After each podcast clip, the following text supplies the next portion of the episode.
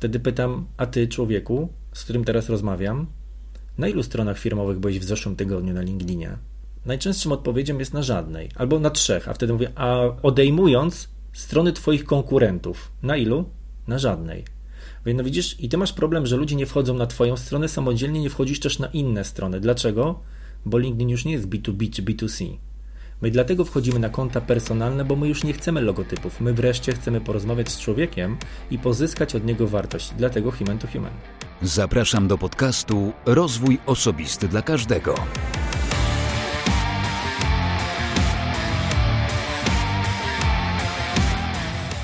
Ja nazywam się Wojciech Struzik, a Ty będziesz słuchał właśnie 87 odcinka podcastu Rozwój Osobisty dla Każdego, który nagrywam dla wszystkich zainteresowanych świadomym i efektywnym rozwojem osobistym. Moim gościem dzisiaj jest Marcin Banaszkiewicz.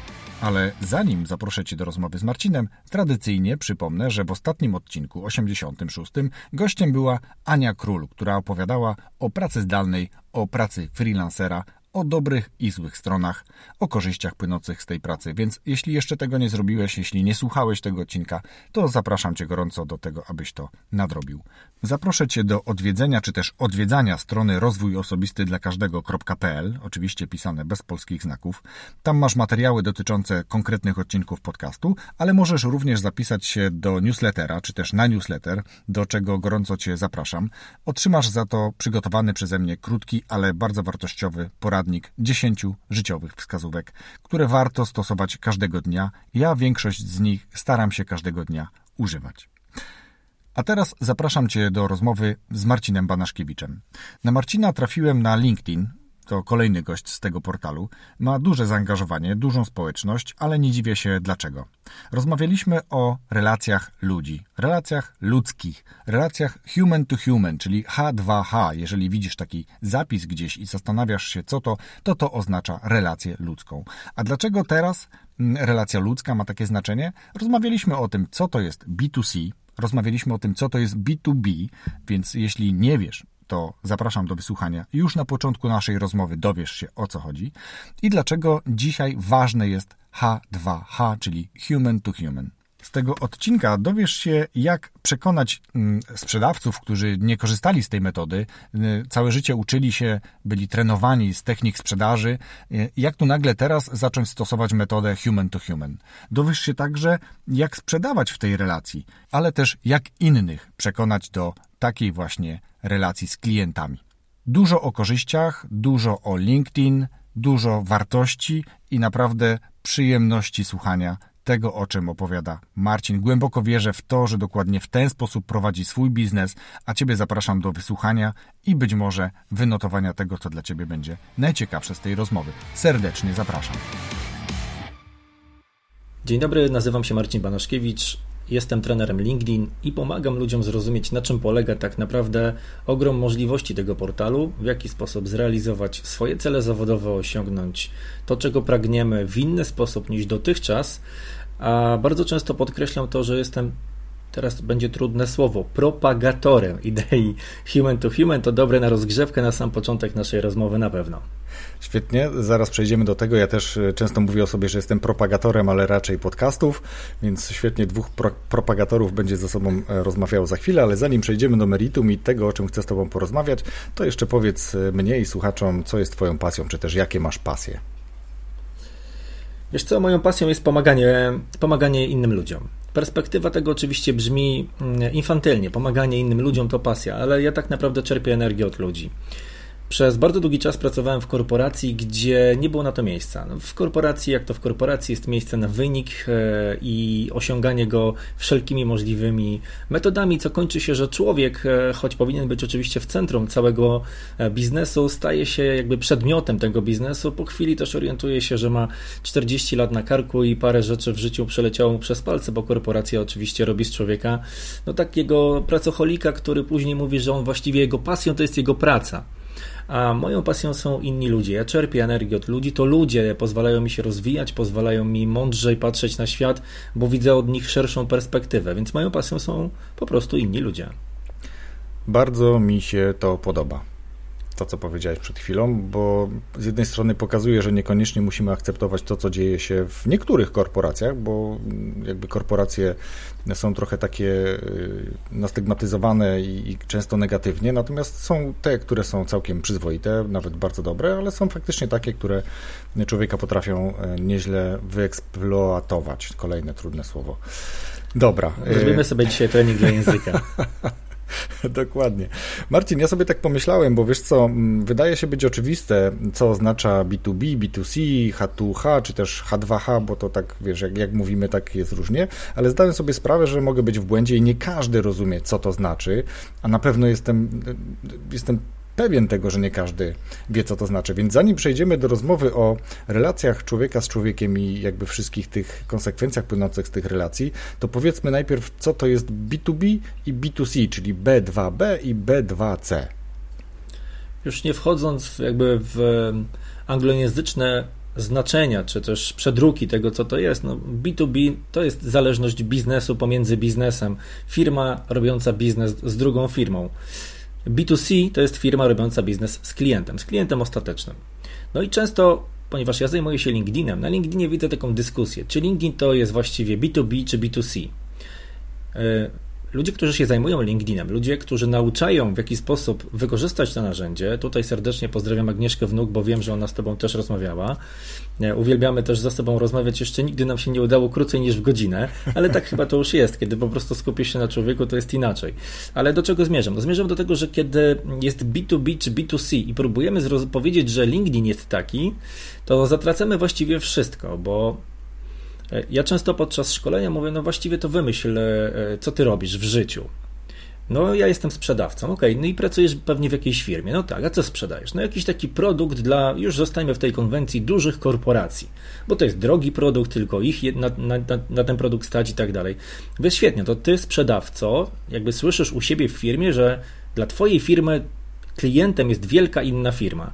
No ale pewnie na tym LinkedInie, jak wpisujesz inna wielka firma, to nie znajdujesz żadnego człowieka, z którym możesz na ten temat porozmawiać. I wtedy dochodzimy szybko do wniosku, że próba przyklejenia łatki B2B czy B2C dla LinkedIn, ale dla Facebooka, Instagrama i dla kilku innych rzeczy jest błędem, ponieważ dopiero wtedy, kiedy skupisz się na konkretnym człowieku po drugiej stronie, niezależnie czy on będzie dla ciebie instytucjonalnie klientem ostatecznym, użytkownikiem ostatecznym, czy też tym, który zapłaci za fakturę lub zainicjuje kontrakt pomiędzy firmami, to i tak na początku i na końcu jest zawsze człowiek. I dlatego, kiedy trwa ta dyskusja, czy LinkedIn jest human, czy jest B2B, czy, czy B2C, wchodzę wtedy ze swoją narracją, mówię, że to jest human to human, a nie żaden B2B. Jakby to nie jest wystawienie na aukcji międzynarodowego portalu, który handluje między Azją a Afryką, jakiejś aukcji tankowca z ropą, bo to jest wtedy B2B i brokerzy, którzy gdzieś siedzą z tyłu, e, reprezentują interesy swoich klientów, wtedy zajmują się tym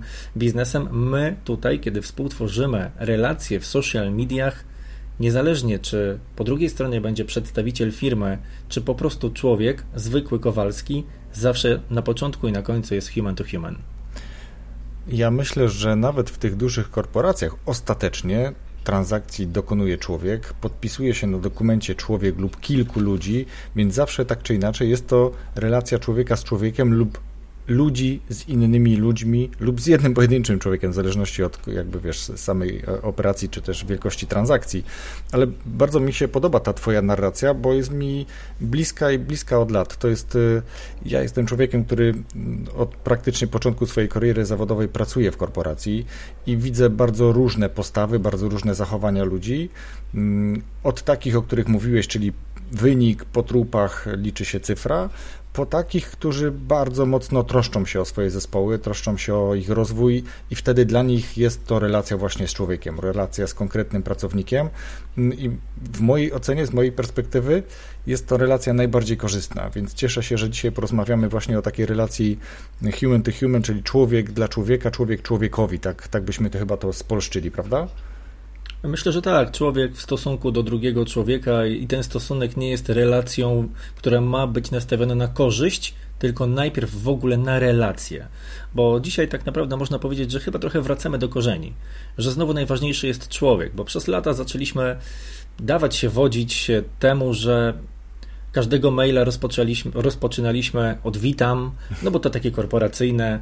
E, szanowni Państwo, pisząc do innego człowieka, który reprezentował owszem jakąś firmę, a pisaliśmy Szanowni Państwo, to oczywiście przeniknęło do szeroko pojętej automatyzacji i my tak tym szerokim państwem i wszelkimi takimi korpo sformułowaniami niestety przesiąknęliśmy nie tylko pracując w korporacji. Oczywiście, żeby była jasność, tutaj nie chodzi o to, żebym ja teraz był tym, który mówi, że korporacje są złe. Nie, mhm. one ukształtowały środowisko również biznesowe. Wiele osób w tych korporacjach wiele lat przepracowało, wychodząc nawet do swoich biznesów, nie zawsze pozbywając się tego um, takiego korposznytu, który nie zawsze jest ustawiony wprost do tego, żeby najpierw porozmawiać, a później wystawiać fakturę, a nie najpierw zapłać, to coś dla ciebie będziemy mogli ewentualnie zrobić. To jest relacja human to human. Natomiast e, e, i sama relacja human to human i pojęcie B2B, B2C, ono się jeszcze z jednym elementem wiąże. Otóż przez lata firmy, które chciały sprzedawać, naciskały na tak zwany outbound marketing, czyli takie ostry prospecting, przedstaw klienta, ogrzej lida, weź tego lida jeszcze monitoruj, follow-upuj, wysyłaj mu zapytania, aż w końcu już będzie chciał się ciebie pozbyć, powie dobra, kupuję. No oczywiście to jest taki skrót myślowy, też oczywiście nie dotyczy każdego, ale jednak w większości zespołów sprzedażowych, CRM-y, lejki sprzedaży i inne rzeczy to jest taka codzienność, w której ten outbound powoduje, że odzieramy się trochę z człowieczeństwa, stajemy się trochę automatem, trochę takim modelem e, kliknij kup teraz, bo nie ma czasu, bo przecież wszyscy biegniemy. Natomiast e, to, co zaczyna dzisiaj być takim moim zdaniem dominującym elementem również na polskim LinkedInie, czyli ta filozofia mm, human to human, ta idea human to human powoduje jedno. Dużo bardziej, dużo skuteczniej działa inbound marketing, czyli nie sprzedawaj nikomu, ale pozwól ludziom zakochać się w kupowaniu u ciebie. Oni sami będą gotowi i przyjdą do ciebie, jeśli będą chcieli coś kupić, tylko nie rób tego w taki agresywny sposób, jak przez ostatnie lata byliśmy do tego przyzwyczajeni. Wiesz co, ja jeszcze tylko poproszę Ciebie, żeby słuchacze też mieli jasność w tym wszystkim, o czym Ty opowiadasz i o czym rozmawiamy. Wyjaśniliśmy na początku B2B, B2C i teraz H2H, ale jeszcze jakbyś powiedział, o co chodzi tak naprawdę e, w tych pojęciach inbound, outbound, e, prospecting, wiesz. Mhm. Myślę, że dla wielu słuchaczy wcale nie musi to być oczywiste. Y, powiem to w takich bardzo prostych e, słowach outbound, czyli takie wyjście na zewnątrz, aktywna sprzedaż, nacieranie na klienta po to, aby on podjął decyzję, czyli e, takie klasyczne ogłoszenie sprzedam Opla, numer telefonu, otomoto.pl czy jakikolwiek inny serwis związany ze sprzedażą samochodów, przebieg, no i takie właściwie nie wartości, a cechy i szybki kontakt, zadzwoń do mnie, call me now, e, kup teraz, włóż do koszyka, realizuj sprzedaż. Inbound marketing polega na tym, że to klient inicjuje kontakt, to klient inicjuje swoją potrzebę, on dopiero widząc to, co my wcześniej robimy, czyli dzieląc się wiedzą, dzieląc się kompetencjami, pobudzając pewnego rodzaju tematy, kontentem, który umieszczamy właśnie między innymi w social mediach, on przychodzi do nas sam i on sam pyta: Dzień dobry, czytałem pana ostatni artykuł, publikację, słuchałem podcastu, zainteresował mnie pan tym tematem, chciałbym wiedzieć więcej. No i tutaj oczywiście też trzeba się pozbyć, bo wiadomo, że jak już słyszymy, chcę wiedzieć więcej, to łatwo wysłać link do rejestracji albo fakturę. Jakby inbound marketing polega na tym, zatrzymajmy się na chwilę, tak na te 15 minut chociaż i porozmawiajmy ze sobą, bo czasem ktoś mówi, że chce kupić, a sprzedawca szybko sprzedaje. Ale sprzedawca wtedy nie zadaje jednego pytania, ale co pan tak naprawdę chce kupić? Bo klient często mówi, że chce kupić pobudzony taką rozmową, na przykład jak nasza. O, ten gość, dobrze mi się go słuchało, czuję, że to może mieć jakieś przełożenie, kupuję go, ale na pytanie, a co pan chce kupić? Często zapada cisza. No, yy, yy, no właśnie. I inbound polega na tym, żeby chwilę wcześniej porozmawiać, poznać te prawdziwe potrzeby klienta, aby móc powiedzieć szczerze, mój produkt tego nie ma. Bo inbound marketing nie polega na sprzedaży na siłę. On polega na takim wykorzystaniu swojej reputacji w przestrzeni publicznej, aby kiedy naprawdę nasz produkt jest słaby lub nie byłby w stanie spełnić oczekiwań klienta, żeby to po prostu klientowi powiedzieć. Nie zawsze tak się dzieje, niestety, w tym tradycyjnym odbandzie. My chcemy szybko, my chcemy zysk, my chcemy e, tabelki wypełniać, chcemy mieć konwersję, chcemy raportować, zatem czasem mówimy, a trudno, no to będzie zły na naszą firmę My mu tam coś może wcisnęliśmy, kiedyś coś napisze, może na kanale, na YouTubie napisze, na Facebooku, gdzieś tam, no ale to jednak do firmy, państwa produkt nie spełnia moich oczekiwań, no trudno, tam pewnie dział PR albo komunikacji będzie z klientem negocjował, może dadzą mu kod rabatowy, ale ja muszę zrobić biznes. To niestety jest smutna codzienność. Oczywiście nie wszędzie, ale taki klasyczny outbound, on dzisiaj można powiedzieć trochę odchodzi do lamusa. Czemu odchodzi do lamusa? Propaguję taką tezę. Coraz więcej osób zaczyna się pod nią podpisywać, że my dzisiaj już nie kupujemy od logotypów. My dzisiaj już kupujemy od ludzi. Mhm. I, I kiedy sprzedaje nam firma, zaczyna być kłopot. Kiedy prowadzę szkolenia i powiedzmy na sali jest 20 osób, zadaję pytanie, bo wiadomo, jak jest mała grupa, to, to łatwiej, może inaczej, łatwiej wygiąć wyniki, ale przy 20 osobach już jakiś widok jest. Często zadaję pytanie, kto z Was nie ogląda już telewizji? W zależności od tego, jaka jest grupa wiekowa na sali, to jest to od 15 nawet do 60-70%. I to nie jest tak, że ci ludzie nie mają telewizora. Ci ludzie mają telewizor, tylko nie oglądają telewizji. Na pytanie, czemu nie oglądacie telewizji, mamy dość reklam nie chcemy już tych reklam. Pewnie o reklamach przyjdzie nam jeszcze porozmawiać tutaj, ale rozwiązując ten, ten temat, chcę powiedzieć jedno. Jeżeli my uciekamy od reklam, a firmy, które są skupione na outbound, atakuj szybko, kiełbasa 3,99, kupuj tu i teraz, a my od tego uciekamy, zaczynamy mieć coraz większy problem ze sprzedażą, ponieważ my już tego nie chcemy. Co zatem robią? No próbują nam zakleić YouTube'y, E, bo chcemy posłuchać muzyki, to najpierw musimy odtworzyć kilka jakichś reklam, które do niczego nam są niepotrzebne. Co robi YouTube? Mówi zapłać nam za to, żebyśmy ci wyłączyli reklamy. Myślimy sobie, kurczę, jeszcze gorzej, to idę na Spotify. Już wolę zapłacić Spotify'a, czy Spotify, czy inny serwis, czy Apple e, Music i mieć z tym spokój.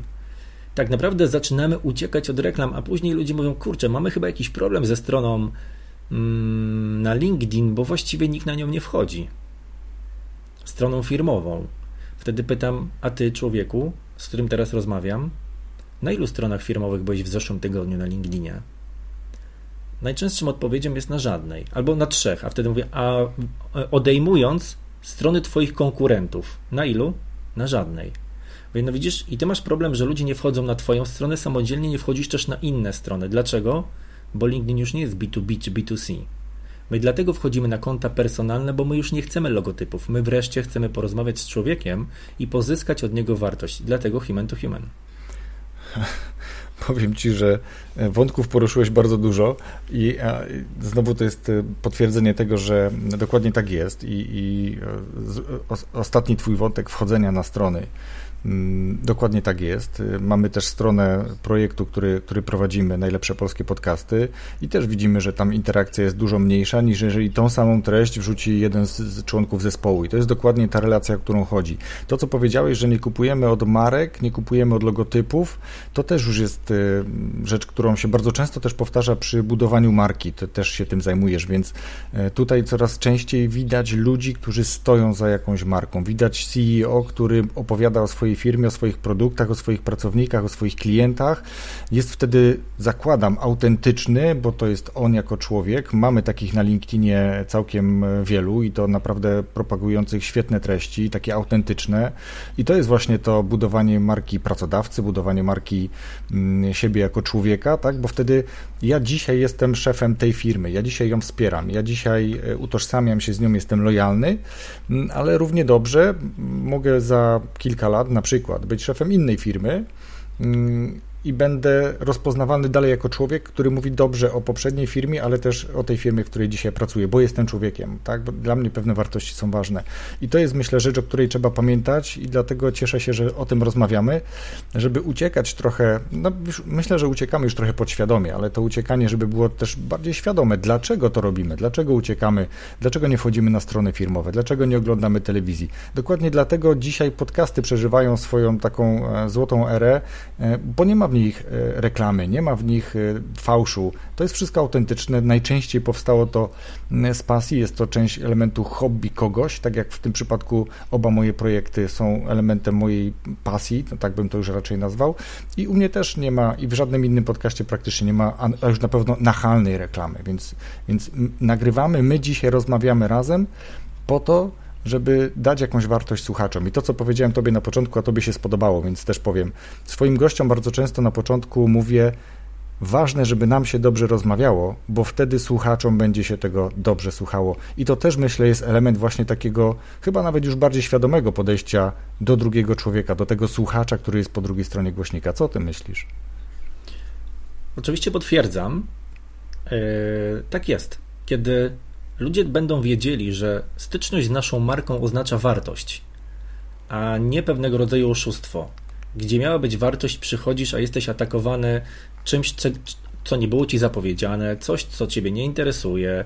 E, nagle pojawia się reklama najpierw kiełbasy, później banku, a po chwili jeszcze samochodów wynajmu i tak dalej. To nie jest spójne z tym, co ty robisz, ale ktoś wykupił twój czas, tam zareklamował, wiedziałeś o tym, że kupią, zapłacili. Nagle pojawiają się reklamy rzeczy, z którymi ty byś nie chciał się kojarzyć i często ludzie łapią się na tym, że ta, ta nowoczesna sprzedaż również w online powoduje, że Czasem nie mamy kontroli. Ktoś przychodzi i mówi: Słuchaj, masz bardzo fajną stronę. Jak ja bym od ciebie kupił taki duży banner na górze, to ja ci będę dostarczał firmy, które tam będą się reklamowały, i ja ci będę za to płacił. Ktoś mówi: Kurczę, w sumie może to jest jakiś pomysł na to, żeby pasywnie jakoś popracować z naszym biznesem i się na to godzimy. Po czym jednego dnia widzimy zakład, zakład pogrzebowy, innego kwiaciarnię, jeszcze innego widzimy sklep z elektroniką, ale to nie ma nic z nami wspólnego. I ta niespójność już w marce personalnej zaczyna powodować, że tracimy wiarygodność do takiej osoby. I to, co powiedziałeś, tak, podcast jest świetny. Podcast jest o tyle od początku do końca pod władaniem osoby, która go wydaje. Ona go rozpoczyna montować, ona wie dokładnie, czy tam będą konkretne rzeczy powiedziane. Zresztą ja za chwilę chcę zrobić reklamę, ale taką tylko, żeby coś pokazać słuchaczom, e, nie swoją. E, ale do czego zmierzam? No zmierzam do tego, że gdyby teraz nagle poleciał dżingiel, a teraz reklama, no ludzie by się wkurzyli, po prostu. Nie na to się umawialiśmy. Umawialiśmy się na to, że ty, który dajesz nam zawsze bardzo dobrą wartość, zapraszasz gościa, rozmawiamy z tym, ty rozmawiasz z tym gościem, my pobieramy wartości, idziemy gdzieś dalej do życia naszego, już troszkę inaczej patrzący może na temat, bardziej poszerzoną perspektywą, a ty nagle nam to z jakąś kiełbasą. Oczywiście nie, żebym miał coś do kiełbasy i proszę, żeby lobby kiełbasiana mnie nie atakowało po tym podcaście, bo tak podkreślam, ja mówię bardziej w kontekście samego produktu. Ale mówiłem też o tej reklamie. Widać coś ciekawego już na rynku reklamy. Pojawiają się reklamy, które przestają być bezosobowe, które zaczynają mieć imię, nazwisko. Co więcej, e, sam kształt reklamy się trochę zmienia. Najczęstszą formą reklamy, jaką znamy, no to była jakaś tam pasta do zębów, albo latająca margaryna gdzieś tam po ekranie, albo e, nie wiem, jakieś e, zarazki w gardle i to było właściwie to jest kupuj szybko, bo to cię wyleczy, to jest pigułka na wszystko, kupuj, kupuj, kupuj, kupuj. Natomiast dzisiaj do reklamy już bardzo szeroko wchodzi storytelling, czyli opowieść, emocje. Przywołam tutaj jedną reklamę, która zaczyna pokazywać pewną zmianę i ci, którzy oglądają telewizję, może nawet dwie reklamy przywołam, zobaczą, że faktycznie zmienia, zmienia się narracja, ale jest coś jeszcze. Do reklamy w telewizorze dokleja się markę personalną, co w ogóle w reklamie było wręcz no, takim ekstremalną rzadkością. Być może kojarzycie taką reklamę słoiczków e, dla dzieci z jedzeniem firmy HIP. Zazwyczaj to była reklama, tam słoiczek, coś zdrowego, badamy, robimy coś tam i tak dalej, no i, no i hip, tak, no i tyle. Ostatnia reklama tejże firmy wygląda zupełnie inaczej. Ona się rozpoczyna do powieści. Jesteśmy na Mazurach, na Mazurach jest czyste powietrze, znaleźliśmy pola, tutaj rośnie nasza marchewka, my ją badamy, nasze normy są jeszcze ostrzejsze i tak dalej, i tak dalej. Jest to powieść o produkcie, a na końcu wychodzi starszy jegomość i mówi nazywam się Stefan Hip. Za jakość tych produktów ręczę własnym nazwiskiem. Takiej historii marki nie opowiadano już dawno, na poziomie autentyzmu konkretnego człowieka, za którym stoi coś. Całkiem niedawno również sieć e, Biedronka zrobiła reklamę, gdzie postawiła bardzo mocno na człowieka. Otóż w reklamie wystąpiła pani Ania i w reklamie telewizyjnej sieci handlowej mówi się, że to jest pani Ania. Pani Ania jest twoim głosem w naszej firmie, to twój rzecznik konsumenta w firmie Biedronka. Jeżeli nie uda Ci się załatwić wszystkich formalności związanych chociażby z reklamacją w sklepie czy na infolinii, skontaktuj się z panią Anią na Facebooku, przez telefon, jakkolwiek. To jest Twój człowiek u nas w firmie. Pani Ania jest Twoim głosem. Pani Ania po to u nas pracuje, abyśmy jeszcze lepiej obsługiwali Was, naszych klientów. To pokazuje, że marki świadomie już teraz idą w kierunku pokazania twarzy, konkretnej twarzy. Tutaj oczywiście już podchodziłeś mnie pod to, żeby wymieniać jakieś e, przykłady na, na LinkedIn, czy są takie twarze na LinkedIn. No i chyba taką, która przewija się przez każdą prezentację i tak mówiąc o dobrze, o dobrej twarzy na LinkedIn wiele osób wymienia Przemka Gdańskiego, którego serdecznie pozdrawiam, e, prezesa banku BNP Paribas. Przemek Gdański. Ci, którzy chcą sprawdzić, zobaczcie jak prezes banku komunikuje się i wewnętrznie, i zewnętrznie, bo jego komunikaty, on sobie doskonale z tego zdaje sprawę, nie są tylko i wyłącznie dla potencjalnego bądź obecnego przypadkowego może klienta, ale one są również do, dla jego pracowników. Model komunikacji, który przyjął e, Przemek Gdański, mam nadzieję, że za chwilę również będziemy o tym modelu mogli chwilę porozmawiać, jest bardzo skuteczny. To jest taki przykład, którego, z którego wiele osób powinno czerpać inspirację. Jak szef mówi ludzkim głosem jak nie musi tego robić agencja, jak to nie musi brzmieć w dniu dzisiejszym odbyło się, tylko on mówi, ja Przemek jestem dzisiaj. I to jest wypowiedź człowieka, a nie biura prasowego i to natychmiast czujemy. Znowu human to human, znowu ta komunikacja i dotarcie do drugiego człowieka, ono jest zdecydowanie bardziej celne i dociera do nas i my chcemy z nim mieć, mieć z nim styczność, kiedy czujemy, że po drugiej stronie mówi człowiek, a nie agencja. Ja bym dał jeszcze co najmniej dwa takie przykłady. E, jeden może mniej e, rozpoznawalny, pani Anna Rulkiewicz, CEO LuxMedu, która Oczywiście, też bardzo, dokładnie, która też bardzo mm, dobrze prezentuje siebie również jako markę osobistą, ale właśnie markę LuxMedu. E, I myślę, że przykład, który wszyscy znamy, czyli Rafał Brzuska, szef Impostu, który godnie stoi, jest widać założycielem, jak to można powiedzieć żartobliwie, ojcem założycielem impostu, rozwija go pomimo wielu różnych e, perturbacji, które gdzieś po drodze miał. Tak? Dzisiaj można powiedzieć bez dwóch zdań, jeśli ktoś sobie założył taki wizerunek e, sukcesu, to Rafał właśnie go e, prezentuje. Ale chciałeś powiedzieć trochę o modelu, który przedstawia Przemek, więc dam Ci się wypowiedzieć dalej jeszcze w tym temacie. Właściwie nie, nie tyle z którego korzysta Przemek Gdański, tylko w ogóle o modelu, który pozwala zwykłemu człowiekowi. Ja wiem, że tutaj jest taka narracja, to znaczy, że są coś niezwykli, ale zwykłemu człowiekowi zacząć komunikować się trochę w innym modelu. Wiesz, kiedy my dorastamy, jesteśmy dziećmi, to wtedy uczymy się metodą obserwacji. No i mama, tata, ucząc nas, mówią: Synek, słuchaj, komunikacja to jest coś takiego, jak ja mówię do ciebie, a ty mówisz do mnie, no to my się komunikujemy. No i tata czy mama tam mówi, wiesz, czasami to jest tak, że przyjadą goście, no siedzimy przy stole, jest kilka, kilkanaście osób, trzeba wznieść toast, no to wiesz, ktoś staje i wznosi toast, to też jest taki model komunikacji, tam jeden do kilku, no może kilkunastu. No, czasem też jest tak, że niektórzy ludzie gdzieś wejdą na jakąś scenę, na tej scenie coś powiedzą i to jest taka, taka wiesz, e, model komunikacji jeden do wielu, ale synu, ja nie wiem, czy ty kiedyś wejdziesz na jakąś scenę, więc rozmawiajmy o tym, co nas dotyczy, czyli komunikacja to jest ty do mnie, ja do ciebie. Wiesz, dorośniesz, to ci kupię telefon, to będziemy do siebie dzwonić, też będziemy sobie robili komunikację. No wiesz, jako dziecko przyjmujesz to, idziesz dalej w życie, idziesz do szkoły, w szkole jesteś w klasie, pani mówi Banaszkiewicz do tablicy, no więc ja idę. Ona mówi Banaszkiewicz, powiedz mi, czy to, czy tamto. No to ja jej odpowiadam. No i ona mówi, że twoja komunikacja jest dobra albo niedobra, a do tego jeszcze umiesz albo nie umiesz. I dokonuje wręcz oceny tejże komunikacji. Po czym ja mówię, przecież ja wszystko wiem, a pani mówi, no ale ja tego nie słyszę, żebyś ty wiedział, bo źle to komunikujesz. Myślę sobie, kurczę, no to chyba to na tym polega, że komunikacja to jest jeden do jeden i jeszcze do tego się ocenia tą komunikację. Oczywiście w szkole nikt nie uczy innego modelu, uczy się nas jednego modelu. Wychodzimy z tej szkoły, dorastamy, mamy social media i nagle mówimy, no jesteśmy my, zwykły Kowalski, no i taki tam powiedzmy, nie wiem, Robert Lewandowski.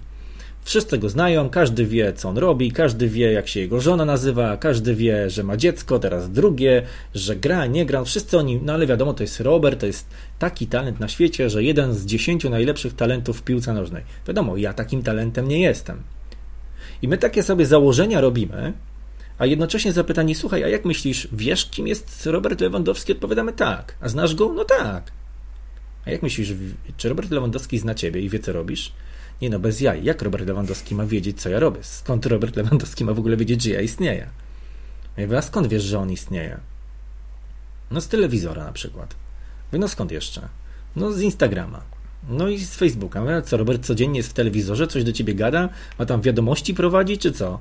No nie, no tam mecz jest raz na trzy miesiące. No właśnie, to jak z telewizora? No raz na trzy miesiące, okej, okay, ale to tyle ci wystarcza?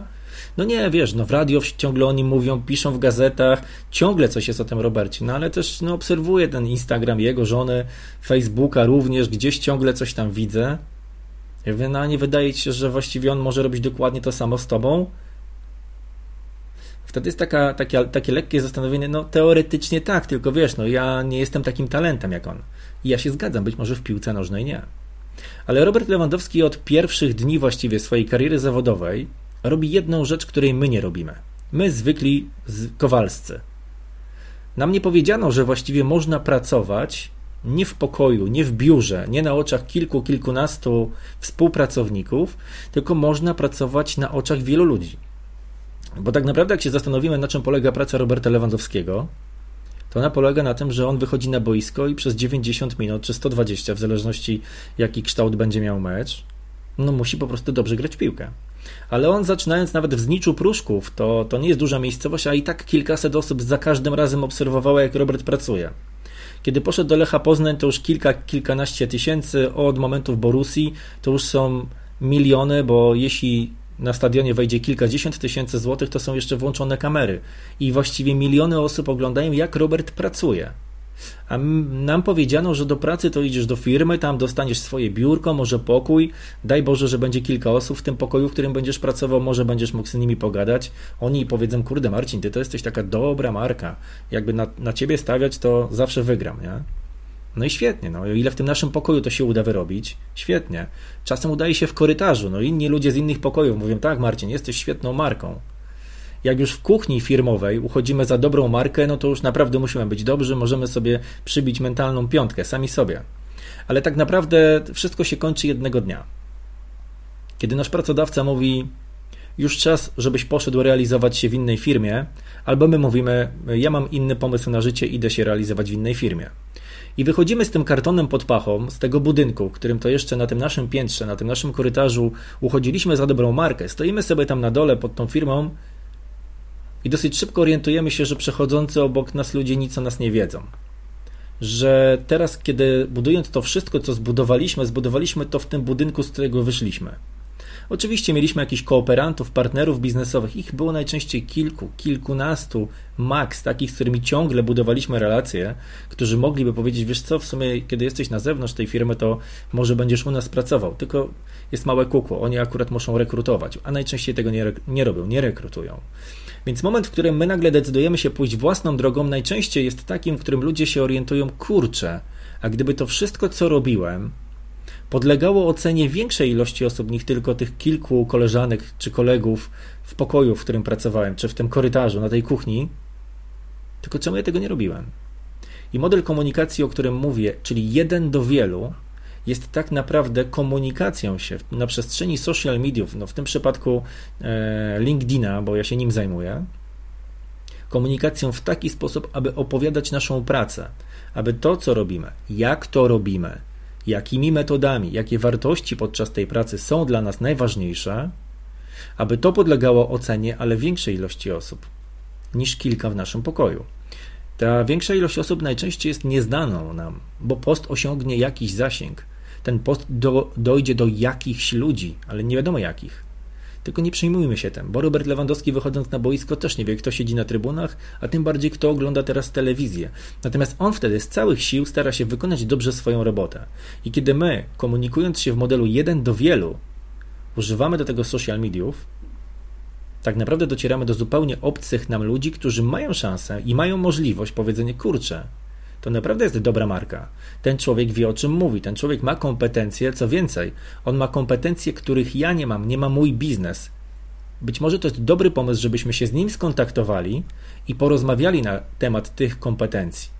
I na tym polega właśnie inbound marketing, aby to klient sam przyszedł do nas z intencją podjęcia rozmowy, współpracy, zakupu, ale stanie się to dopiero wtedy, kiedy my będziemy dzielili się tym, jak wygląda nasza praca, jak ją wykonujemy, w jaki sposób, właśnie w formule e, komunikacji jeden do wielu. Mówiłeś trochę takich, e, mówiłeś o takich przykładach, gdzie na czym polega ten handel B2B, ten handel B2C, te, ta sprzedaż. E, mówiłeś też o takim przypadku, że przyjdzie klient, jest niemalże zdecydowany na jakiś zakup, no ale w tej relacji człowiek do człowieka pytamy, czy to jest na pewno coś, co on potrzebuje kupić. Czyli jakby podważamy tą jego być może potrzebę zakupową. Tak można to też zinterpretować, tak? Czyli przychodzę i mówię, usłyszałem o takim i innym produkcie, chciałbym go kupić. I teraz w B2C i B2B powiemy: OK, proszę bardzo, tu już panu pakuję, wystawiam fakturę, tak? A w relacji e, takiej bardziej ludzkiej powiemy: do czego pan tego potrzebuje? Czy na pewno pan tego potrzebuje? Bo być może zupełnie jakby inny jest problem e, i wcale nie jest to produkt, który na tą chwilę jest potrzebny.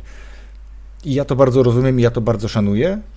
No tylko ktoś może zadać pytanie, no to jak sprzedawać w takiej relacji człowiek do człowieka? Złotym środkiem e, to podczas szkolenia wyświetlam i e, dużo ludzi przychodzi na moje szkolenie, żeby dowiedzieć się, jak sprzedawać na LinkedIn. Ja wyświetlam tylko jeden napis. Im mniej sprzedajesz, tym więcej sprzedasz. No i wtedy mówię, ale to już koniec tego punktu? Ja mówię, tak, koniec tego punktu. No, ale słuchaj, nie, nie, poczekaj, poczekaj, no bo przecież my przyszliśmy na 8-godzinne szkolenie. Ja jestem sprzedawcą, ja teraz chcę się nauczyć sprzedawać, a ty mówisz mi tutaj na jednym napisem i to jest jak sprzedawać? No i właśnie tak, bo co należy zrobić na samym początku? Odrzucić ten model, którym się posługiwaliśmy dotychczas i nie wyrzucić go do śmieci, odrzucić go, wybrać z niego tylko najlepsze rzeczy i stworzyć nowy model. Oprzeć inbound marketing o to, aby klient, człowiek, w konsekwencji i przyjaciel, bo to jest normalna rzecz, że nieznani nam ludzie, którzy nagle awansują na, z nieznanych na potencjalnego, później na klienta, później na wdzięcznego klienta, który buduje z nami społeczność, w konsekwencji znajomego, przyjaciela. To są normalne relacje i tutaj zachodzą dużo szybciej. Właśnie chodzi o to, żeby nie mówić może chcemy sprzedać.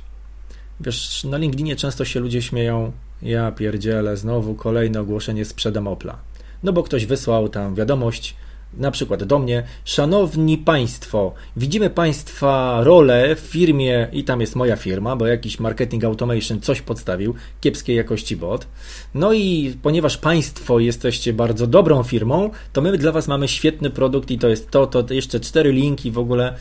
No i wiadomo, że to jest katastrofa. I to jest typowy outbound. To robi właśnie Outbound. Tam nieważne gdzie, wyślijmy tego tysiąc. Na bank tam z 10 osób wpadnie. No może jedna, ale trudno, zobaczymy. Najwyżej powiemy, że nie działa. No ale z perspektywy tego tu się nie dba o żadne relacje. To ja często, kiedy dostaję taką wiadomość, odpisuję takiemu człowiekowi. On najczęściej korzysta z kiepskiego chatbota. Odpisuję mu przepięknie ten chatbot, rozmienia Twoją reputację na drobne. No, dosyć szybko ludzie odpisują, przepraszam, a co pan ma właściwie na myśli? No i później tym ludziom tłumaczę, że generalnie jak pan dzisiaj wysłał między 80 a 120 takich wiadomości, to niech zgadnę, między 78 albo 118 osób właśnie pana zablokowało i zgłosiło pana post jako spam. No i jeżeli pan myśli, że tak nachalnie próbując komuś coś sprzedać tej wiadomości, sprzeda pan cokolwiek, to sprzeda pan cokolwiek. Natomiast inni ludzie sprzedadzą dosyć dużo rzeczy ciekawych, wartościowych.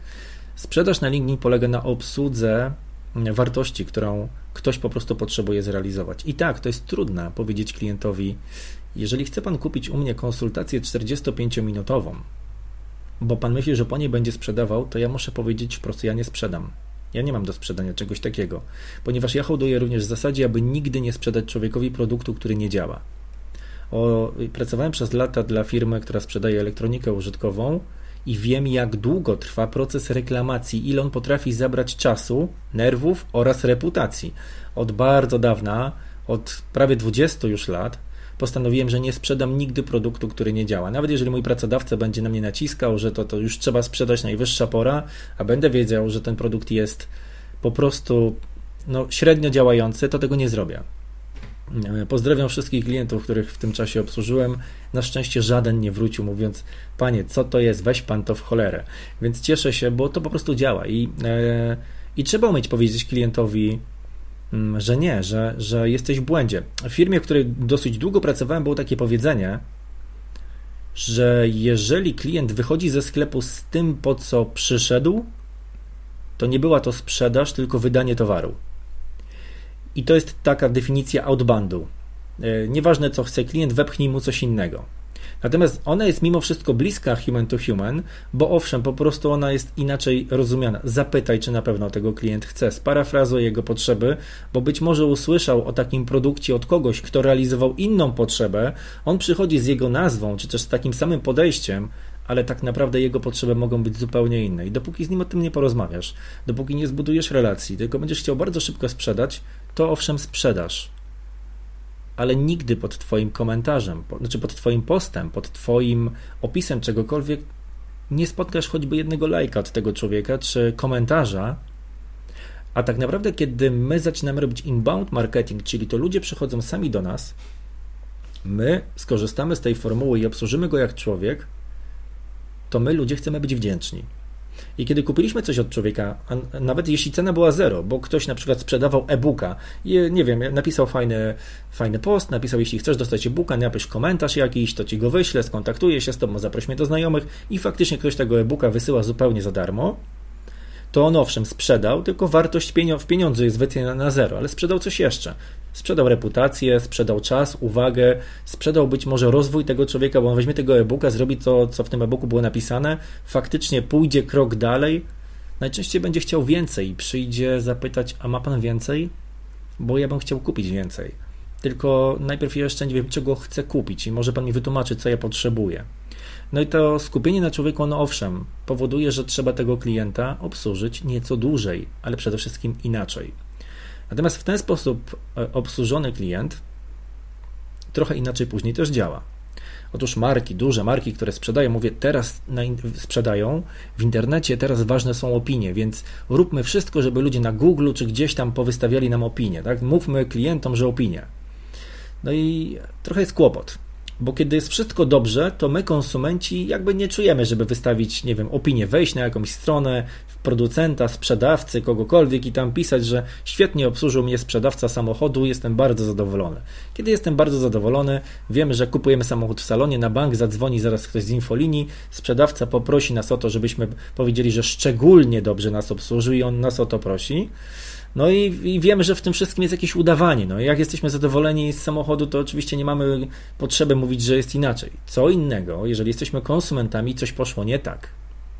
No to wtedy lubimy wystawić opinię. Oj, wtedy lubimy sobie użyć na facebookowej stronie, na linkedinowej stronie, potrafimy pod postem być również mocno nieuprzejmi, ale często jesteśmy tam e, no po prostu zirytowani i próbujemy nawiązać kontakt z marką, jeśli go nie ma, irytuje nas to jeszcze bardziej, w związku z tym wylewamy więcej żali.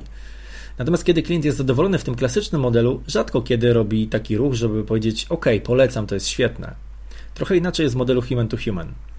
Bo kiedy naprawdę skupimy się na człowieku i ten człowiek wie, że po pierwsze, ja mu nic nie sprzedaję, on kupuje, to musi zajść taki proces. Po pierwsze, on patrząc na content marketing, czyli na to wszystko, co widzi w obszarze social mediów, i nie tylko zresztą, no ale mówimy teraz o LinkedInie, więc social mediów, no, typuje, że to jest dobra treść. Pierwszy raz się z nią zetnie, trzeci, piąty, siódmy. W końcu dorasta do tego, że to jest dla niego najlepsze rozwiązanie. On nas typuje nie firmę, nie produkt, tylko nas, człowieka, który komunikuje cały czas to rozwiązanie, nie sprzedaje, komunikuje to rozwiązanie jako najlepsze rozwiązanie dla siebie. Co wtedy zachodzi? Szefowie sprzedaży, jak to słyszą, oczywiście mówią, ta, ta, takich trenerków to tutaj już było 15, każdy mówi to samo i oczywiście z tego nic nie ma. A akurat w tym modelu jest. O czym mowa? Otóż kiedy to klient wytypuje nas, że on chce kupić to od nas, to on ma w sobie już tą wiedzę, to jest najlepsze dla mnie. On spodziewa się jakiejś ceny, powiedzmy 1000 zł. W konsekwencji, kiedy już dorósł do tego, że chce od nas to kupić, pyta ile to kosztuje a my mu mówimy 1300. W klasycznym modelu ktoś mówi wszystko fajnie, tylko zróbmy coś z tą ceną, bo jest za wysoka. Chyba 90% biznesu jest oparta o rabat, a cena może zrobić coś z ceną.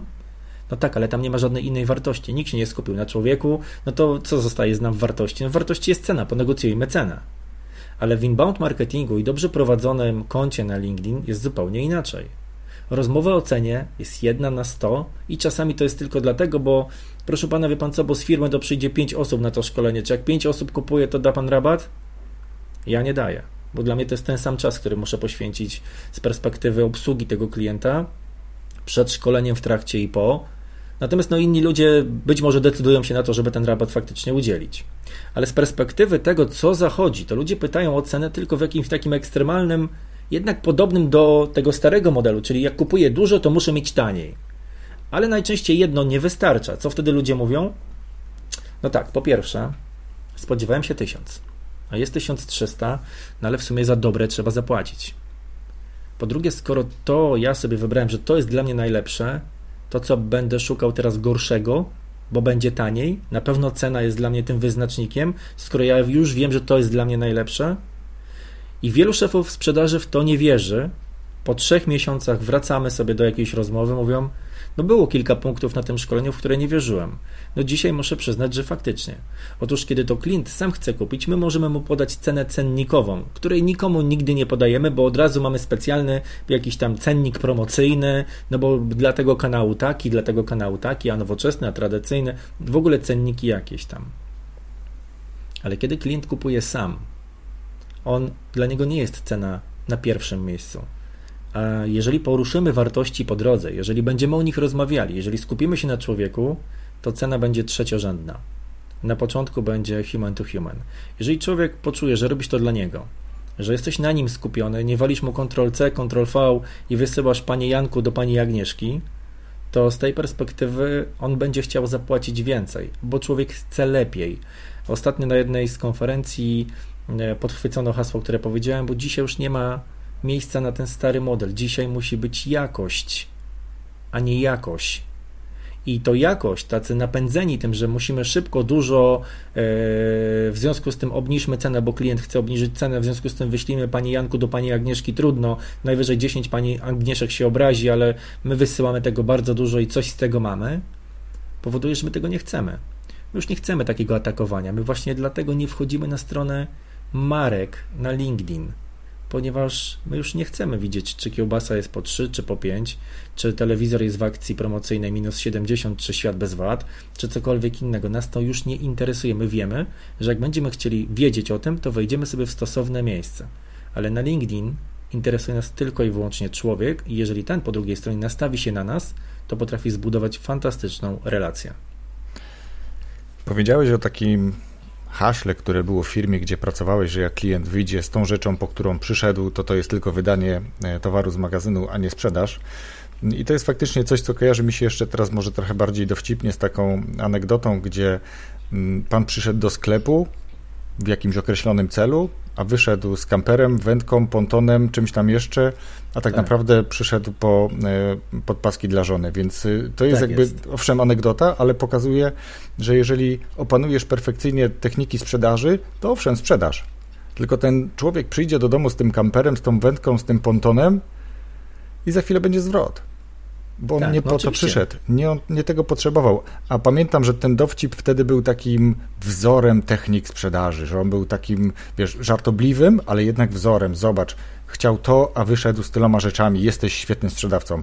Nieprawda. W relacji human to human wcale nie, jest, nie jesteś świetnym e, sprzedawcą i, i to jest właśnie to najważniejsze i najciekawsze. To jest ta największa wartość tak naprawdę, że ty jako człowiek nie jesteś nabijany w butelkę, nie, ja nie realizuję swojego celu, nie realizuję swojego targetu sprzedając ci. Ja ci pomagam. Ja ci szczerze mówię, czy pomagam w tym, czego potrzebujesz, albo mówię, że wcale tego nie potrzebujesz. Tak jak jeden z moich gości, Marcin Renduda, mówił: Potrzebowałem kupić samochód, bo zepsuł się stary samochód żony. I jeździliśmy, wybieraliśmy. To była akurat rozmowa na temat dobrze podejmowanych decyzji. I to nie chodziło o to, jaki samochód wybrać, tylko czy ja naprawdę potrzebuję samochodu. Więc to jest znowu ta relacja, tak? Ktoś sprzedawca w samochodzie by powiedział, taka wersja wyposażenia, ten model samochodu z takim silnikiem. Żaden sprzedawca samochodu nie zapyta, panie Marcinie, czy pan naprawdę potrzebuje tego auta? Nikt. Tam nie ma i długo jeszcze nie będzie relacji human to human. Takie są moje jakby obserwacje i wnioski. Ale jeszcze nawiążę tylko krótko do tej twojej um, historii o cenie i o tym, że ty konkretnie nie schodzisz, wiele firm schodzi z tej ceny, daje rabaty. Ja myślę tylko i tu jakby swój przykład dam. Ja też e, stworzyłem taki krótki poradnik, 10 życiowych wskazówek. Może nie za szczęśliwa nazwa, natomiast jedna z tych wskazówek mówi negocjuj. Zawsze, kiedy możesz, negocjuj. Więc możesz trafiać też na takich klientów, którzy wcale nie chcą tej ceny obniżyć, ale mówią zawsze negocjuję i zawsze będę pytał o tą cenę, bez względu na to, czy mi się uda, czy nie. I ja też do tego namawiam generalnie, bo realnie na to patrząc, są zawsze duże szanse na to, że ktoś coś zaoszczędzi, tak to nazwijmy. Dobrze, y, Marcin. Y, generalnie słuchałem Ciebie, jak słyszałeś, nie zadawałem żadnego pytania. Masz niesamowity talent do, do mówienia i do mówienia przekonujący sposób. Y, nie dość, że to, o czym mówisz, to jest bardzo bliskie mnie i wierzę, że bardzo wielu słuchaczy też słuchało tego z zainteresowaniem i teraz tak siedzą tacy rozmarzeni, że kurczę, no przydałoby się, żeby faktycznie każdy sprzedawca traktował nas dokładnie w taki sposób, żeby nie próbował nas nabić w butelkę, nie próbował z nas ściągnąć ostatniej złotówki, tylko żeby właśnie był uczciwy w relacji ze mną. Powiedz, jak nauczyć, ja, może nie jak nauczyć, jak przekonać tak naprawdę myślę, że bardziej właścicieli firm, e, szefów, tak, szefów działów sprzedaży do tego, że taka forma sprzedaży jest dużo bardziej atrakcyjna i dużo lepiej wpływa na relacje i na długofalowość tych relacji niż wszystkie do tej pory znane techniki sprzedaży. Tutaj muszę postawić tak, taki mocny wykrzyknik, bo część ludzi teraz zaczyna, bo po, tej bardziej świadomej wypowiedzi na temat inbound marketingu, human to human i tak dalej, mówić, no dobra, to to jest lepsze, czyli zastąpimy tą wersję, tą wersją, tą starą wersję. I to nie jest dobre rozwiązanie, bo obie wersje mogą ze sobą równolegle w firmie funkcjonować. Użyte w dobry sposób powodują, że i jedna, i druga jest skuteczna, więc też nie chcę być tym, który mówi, że tylko inbound marketing jest najlepszy na świecie, wyrzućcie do śmieci outbound. W pewnych momentach outbound jest bardzo dobry, lejki sprzedażowe CRM są w jednej i w drugiej metodologii sprzedaży, Obie potrafią się świetnie uzupełnić. Natomiast ta druga, human to human, buduje ci też społeczność. Marki mówią o tym, że Boże, jak my byśmy chcieli, żeby nasi klienci byli lojalni. A jednocześnie marki ze sobą ścigają się cenami. Jedni dają 70% na trzeci produkt, to inni dadzą 77% na, na, na ten drugi, trzeci, piąty, dwunasty produkt. No i wyścig nie jest na żadnej wartości, bo prawda jest taka, że na drugi produkt już mnie nie stać, więc po co mi twoja reklama o piątym produkcie za minus x 10%, jak, jak przyszedłem tutaj po pralkę, bo mi się zepsuła i na cholerę ty mi chcesz sprzedać kolejne produkty. No dobra, może kupię baterię, bo dobra, jeszcze to. No oczywiście tak, to jest próba do sprzedania, cross-sellingu, upsellingu, zrobienia czegokolwiek więcej, ale prawda jest też taka, że po prostu my tego nie potrzebujemy. W inbound marketingu nie sprzedajemy tego, czego klient nie potrzebuje. Sprzedajemy tylko i wyłącznie wiedzę, umiejętności, kompetencje oraz dzięki storytellingowi opowiadamy historię o sprzedaży. Ludzie są inteligentni, ludzie nie potrzebują um, takiego, e, takiego komunikatu sprzedam Opla. Przepraszam markę Opel, bo no, często się z tego po prostu śmiejemy, ale ja nic za was nie mam. Jeździłem waszą insygnią przez 3 lata całkiem dobrze się jeździło. Ale z tej perspektywy chcę powiedzieć jedno, no sprzedam Opla dzisiaj po prostu nie działa. Natomiast opowieść o tym, jak zbudowano nowoczesną skrzynię biegów w Oplu, dlaczego ją budowano, że to była podstawa tego, że użytkownicy zwracali uwagę, że można byłoby to poprawić, że rolą marki było sprostanie wszystkim oczekiwaniom użytkowników i tak dalej, i tak dalej. Opowieść o tym to buduje pewnego rodzaju narrację, że zaczynamy się tym interesować. Pamiętam, powstał taki mm, e, samochód, jak jesteśmy już w tej, w tej dziedzinie, mm, Volkswagen e, Phaeton. No i to było na taką bardzo ważną rocznicę w Volkswagenie. No i jeden z e, prezesów powiedział, że jadę wam 10 ekstremalnie trudnych rzeczy, które ten samochód musi spełniać. No i wszystkie spełniono. Tam było m.in. o bardzo dużej prędkości, e, jadąc po bardzo rozgrzanej autostradzie z włączoną klimatyzacją, która nie wieje mi prosto w oczy, powodując, że po prostu pół twarzy mam zamrożone no to zrobiono taki, taką fajną przesłonę w tym Volkswagenie i to były takie, takie rzeczy, które tenże prezes zebrał od użytkowników różnych samochodów na świecie. I on wiedział, że gdyby auto jechało 300 na godzinę w 50-stopniowym upale po autostradzie, miało super przyczepność, a klima nie wiałaby mi w twarz, to byłoby świetnie. Ale tam posłuchano użytkowników. I kiedy tutaj zaczynamy słuchać ludzi, czego oni potrzebują, opowiadamy historię o tej sprzedaży, o produkcie, o rozwiązaniu, o tym, co robi, to ludzie po drugiej stronie są inteligentni. Ludzie po drugiej stronie w pewnym momencie myślą sobie, kurczę, a może to dla mnie. Jeżeli mamy czas, to powiem o jeszcze jednej marce, o McDonaldzie, a właściwie może o tym, jak działa ludzki mózg w momencie, kiedy my sobie jadąc do kogoś gdzieś, widzimy nagle ich logo. Mamy na to czas? Tak, tak, śmiało, śmiało. To powiedz, w jakim mieście mieszkasz? W Poznaniu. W Poznaniu. Ja mieszkam teraz w Piotrkowie Trybunalskim. Gdybym miał do ciebie dojechać samochodem, to musiałbym najpierw A1 pojechać pod Łódź, później jechałbym autostradą dwójką, do, tą najtańszą w Polsce, jechałbym do Poznania. No i słuchaj, moja rzeczywistość drogi wyglądałaby następująco. Po lewej stronie miałbym zielone ekrany, po prawej stronie miałbym zielone ekrany i tak 90% trasy. No i tak bym jechał do, do Poznania. Nie wiedzieć czemu, jakoś tak jest, że podczas samochodu, podczas jazdy samochodem myślimy sobie o różnych rzeczach. My słuchamy muzyki, słuchamy radia, ale w naszej głowie krążą różne myśli. Jedziemy. Jadę sobie 140 do ciebie, żeby cię odwiedzić. No i teraz uważaj.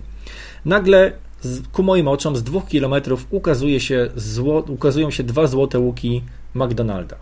Ja patrząc na to logo, nagle zatrzymuję wszystko w mojej głowie. Jest stop, Marcin stop, życie stop.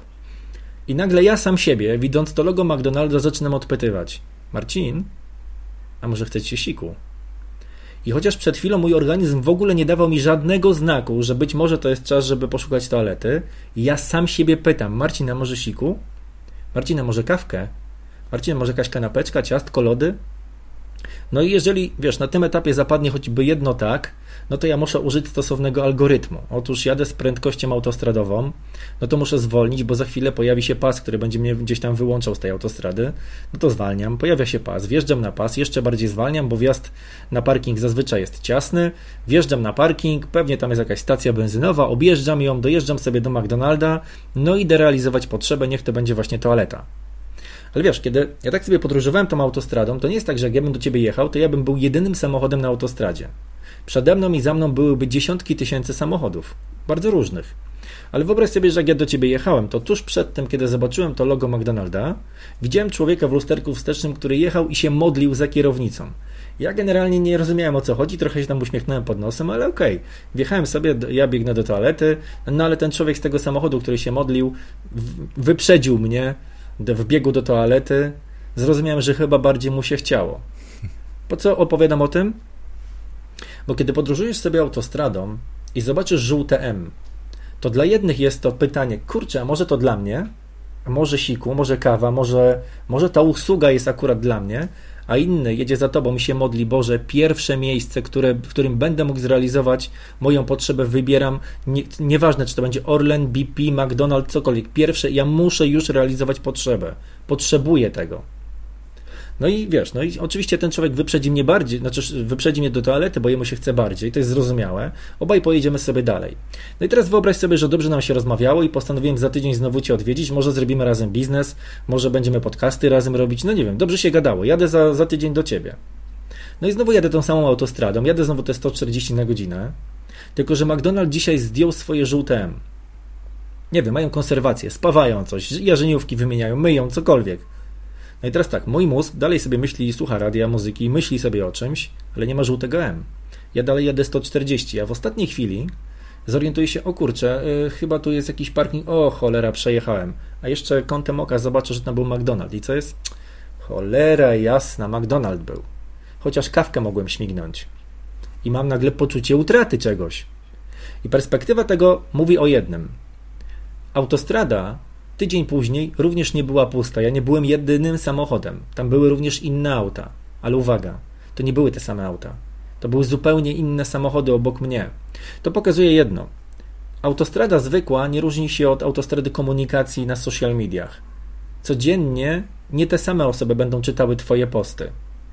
Ale jeżeli codziennie, tak jak McDonald's, wystawisz swoje żółte M, mówiące: To jest moja usługa, która realizuje konkretne potrzeby ludzi po drugiej stronie, to jedni, którzy będą jechali, pomyślą: Kurde, może to dla mnie, a drudzy jest wreszcie człowiek, który o tym mówi. Tego właśnie potrzebuję. Takiej narracji było mi trzeba, aby dotrzeć do mnie, żeby obsłużyć mnie.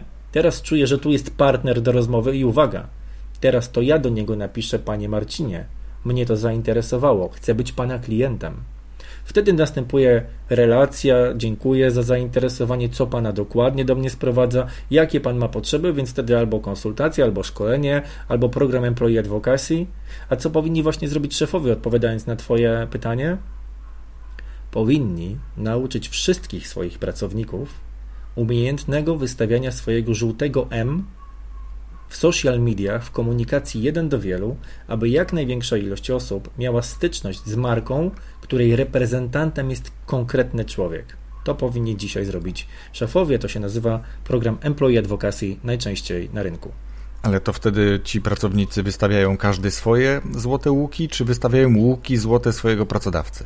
Właśnie swoje, bo pracodawcy często nie wiedząc o tym myślą, że aha, to teraz trzeba na LinkedInie wziąć tych naszych pracowników, kazać im założyć konta i dział marketingu będzie im mailem wysyłał, co oni mają publikować. Niestety są tacy pracodawcy. Mhm. Natomiast no ci niestety no, nie odniosą nigdy sukcesu, bo po pierwsze pracownik traktowany jest jak niewolnik. Teraz my, wiesz, mamy twoje konto i będziemy na twoim koncie teraz pluli różnym tam ludziom w twarz, dokładnie tak samo, jak oni nie chcą, żeby to robić na LinkedInie. No i niestety spotykam takie, takie mm, zachowania i one są absolutnie naganne, gdzie pracodawca mówi, my będziemy pisali, a ty będziesz umieszczał.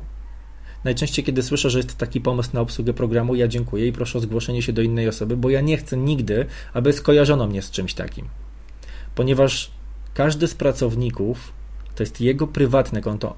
On buduje swoją markę personalną, siebie jako specjalisty, a dopiero przez zbiór tak mocnych i dużej ilości specjalistów, my zaczynamy postrzegać dobrze markę. My wtedy widzimy, kurczę, w tej firmie, tam konkretnie pracują naprawdę świetni ludzie, ale to się nie stanie tak, że my będziemy dawali ludziom, weź to opublikuj.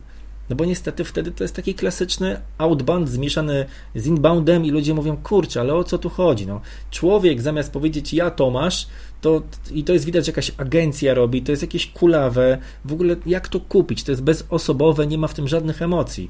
Dlaczego my mielibyśmy temu zaufać?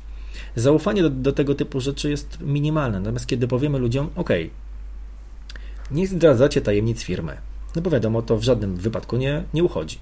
Nie mówicie źle o firmie, nie obrażacie nikogo, nie używacie wulgaryzmów i jesteście przyjaźni w internecie.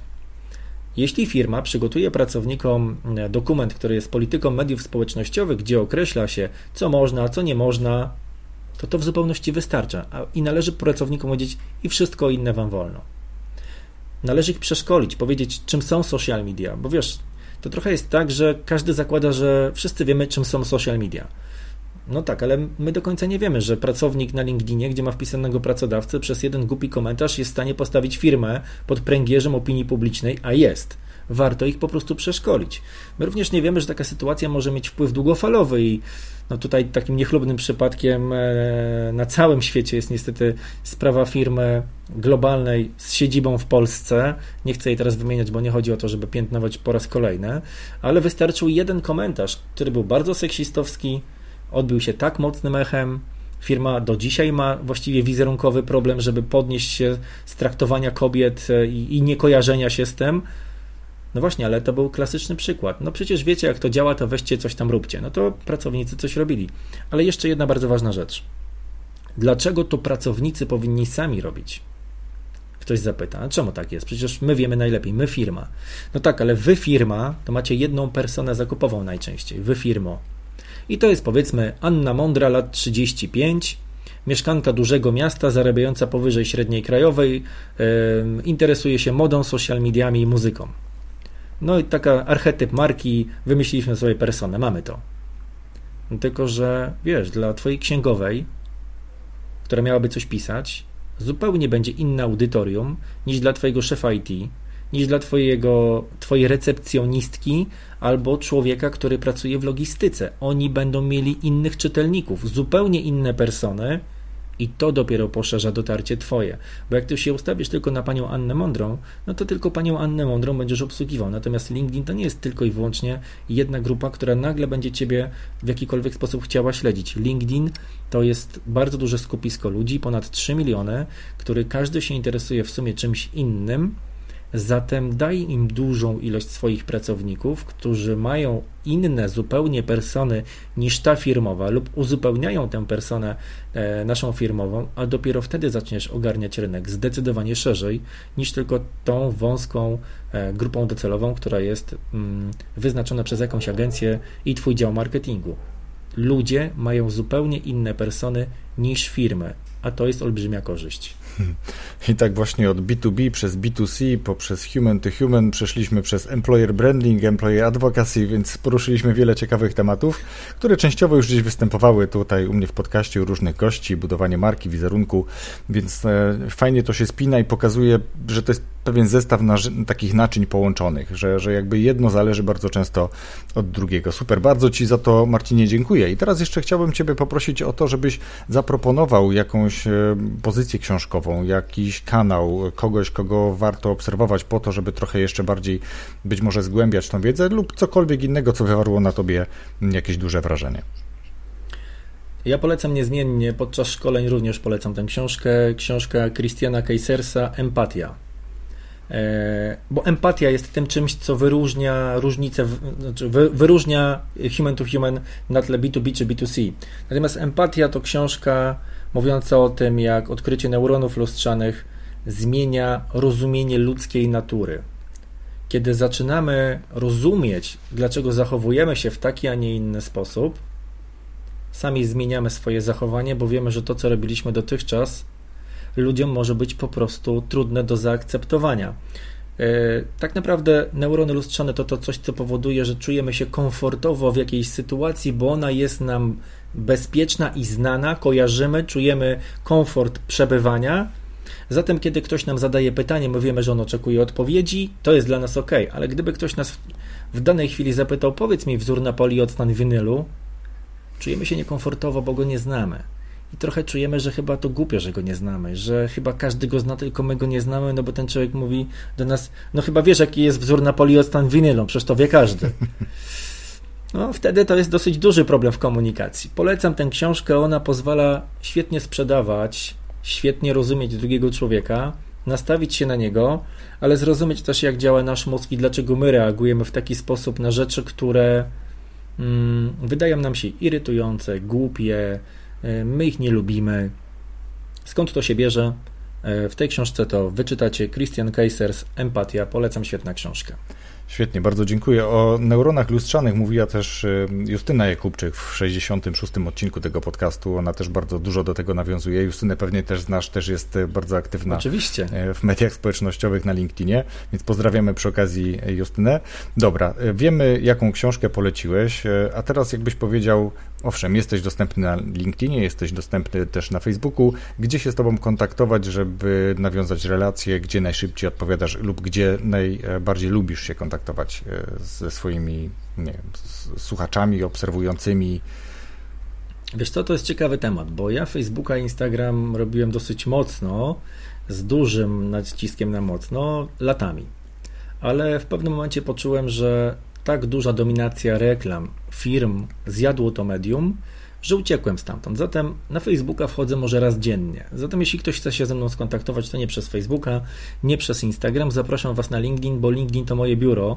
Ja pracuję tutaj z ludźmi, którzy potrzebują pomocy. Zatem jeśli szukacie wsparcia w temacie zbudowania marki eksperta, wyjścia ze swojego pokoju i takiego eksponowania swojej reputacji w przestrzeni publicznej, abyście to wy budowali siebie, swoje umiejętności, swoje kompetencje, abyście pozyskiwali wiedzę od innych osób, bardzo często zupełnie za darmo, podnosząc kompetencje, które dadzą Wam większe pieniądze, inne kontrakty, pracę w innej firmie albo w tej, w której pracujecie tylko na innym stanowisku, to ja Was zapraszam serdecznie na LinkedIn. Jak piszecie Marcin Banaszkiewicz, trener LinkedIn powinien się pojawić jako pierwszy przy takim wyszukiwaniu.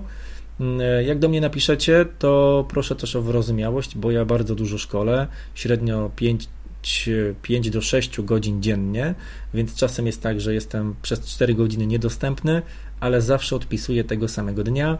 Nie robi za mnie to żadna agencja, więc e, nie oczekujcie, że odpowie Wam ktoś za 3 sekundy. Nie mam chatbotów, robię to zawsze sam, bo to jest podstawa właśnie relacji human to human. A ja potwierdzę, Marcin bardzo szybko akurat miałem szczęście, odpisywał na moje zapytania, na moje wiadomości. Raptem może tydzień temu zaczęliśmy umawiać się na to nagranie. Ono się odbyło właśnie dzisiaj, a już w zaraz sobie zerknę tylko w ściągę i powiem tobie i słuchaczom, kiedy będzie premiera. Znaczy słuchacze usłyszą to w dniu premiery, ale tu usłyszysz to dzisiaj. E, nasza rozmowa będzie 28 sierpnia miała premierę, więc raptem za dwa tygodnie. Bardzo dziękuję Ci. A mogę Ci. A poczekaj, poczekaj, poczekaj, jasne, jasne. poczekaj. A, a, czy ja mogę Tobie zadać, e, Wojtku, jedno pytanie? Bardzo proszę. Mam do Ciebie jedno pytanie. Patrz. E, rozmawiamy dzisiaj cały odcinek o tym, jak relacja człowiek-człowiek, nie B2B, nie B2C, może mieć zupełnie inny wpływ na to, co robisz. My jeszcze tydzień temu się nie znaliśmy. Coś musiało powodować tobą, że wysłałeś mi zaproszenie do grona osób, gości twoich w podcaście. Co to było, powiedz? Znaczy, myśmy się nie znali, to wcale nie jest prawda, bo myśmy się znali, bo w kontaktach na LinkedInie jesteśmy już dawno. To, co powiedziałeś, że ta autostrada, czyli to, co widać, co się wyświetla, to między innymi wyświetlały się Twoje posty. Mm, znam też y, jakby opinię o Tobie od Agnieszki, no i dla mnie jest ważne to, żebym rozmawiał z człowiekiem, z którym czuję, że dobrze mi się będzie rozmawiało i dzisiaj mogę potwierdzić, że właśnie tak jest. A ponieważ dwa odcinki o LinkedInie, oba z Agnieszką, mm, cieszą się dużą słuchalnością, to myślę, że ten tutaj może nie tyle stricte o LinkedInie, chociaż często do tego nawiązywałeś. Dla mnie większą wartością z tej rozmowy było mówienie o ludziach, o relacjach z ludźmi, a LinkedIn jest tylko miejscem spotkań, miejscem styku e, dwóch ludzi, więc jakby to jest narzędzie, natomiast człowiek dla człowieka dalej będzie e, jakby takim sednem tych relacji. To jest e, jakby powód, dlaczego Ciebie zaprosiłem do rozmowy. No i świetnie to podsumowałeś. Po pierwsze, tak, natykałeś się na moje posty, ja wystawiałem swoje żółte. Ty w końcu podjąłeś zapytanie sam siebie. Kurczę, a może Marcin? I e, pojechałeś tam, zjechałeś na parking, okazało się, że toaleta jest czysta, że jedzenie jest świeże, że jest zdrowe i że tak naprawdę możemy ze sobą porozmawiać, to właśnie na tym polega inbound marketing. Oczywiście teraz ktoś może podejrzewać, pewnie mu zapłacił, żeby tak mówił. Nieprawda. E, powiedzmy to, powiedzmy to od razu, że e, human to human nie polega na wystawieniu faktury. Wystawienie faktury, jeśli kiedykolwiek pomiędzy nami będzie, to my wtedy się weźmiemy za, za biznesy. A dzisiaj było mi tutaj niezmiernie przyjemnie i z radością przyjść, porozmawiać, słuchając wcześniejszych Twoich podcastów, słuchając te, szczególnie tego z Agnieszką, którą jeszcze raz serdecznie pozdrawiam. I kiedy, e, to, to jest też ciekawostka, o, już kończę, przepraszam, jestem strasznym gadułą, ale to muszę powiedzieć. W sumie to, co robię ja i robi Agnieszka, to jest konkurencyjna robota. Można powiedzieć, że jesteśmy konkurencją i często ludzie gdzieś w komentarzach piszą, no tak, tak, tam może Angelika, może Bartek, a może Marcin, a może ten, a może tamten. No i tutaj Agnieszka, no ale wiadomo, to są konkurenci i Grzesiek to też konkurent. No i wiesz co, to jest taka ciekawa historia, że jak pracowałem w takim klasycznym, dużym biznesie, to o konkurencji nie myślało się za specjalnie dobrze. O konkurencji myślało się jako o tych, którzy nam odbierają. Ale kiedy włączysz human to human, Agnieszko, bardzo serdecznie Cię pozdrawiam. Ja od Agnieszki mnóstwa rzeczy się uczę. Ona często mówi, że ode mnie, u mnie coś podgląda. W mnóstwo rzeczy uczę się u Grześka Miecznikowskiego, którego też serdecznie pozdrawiam. Bo tutaj bycie konkurentem powoduje, że nie zwalczamy się, ale podnosimy wzajemnie swoje kompetencje. I niech to będzie takim dobrym podsumowaniem. Pozdrawiam wszystkich moich konkurentów, którzy pu publikują. Ja to wszystko czytam, uczę się od Was i serdeczne Wam za to dzięki. Rozwój osobisty dla każdego.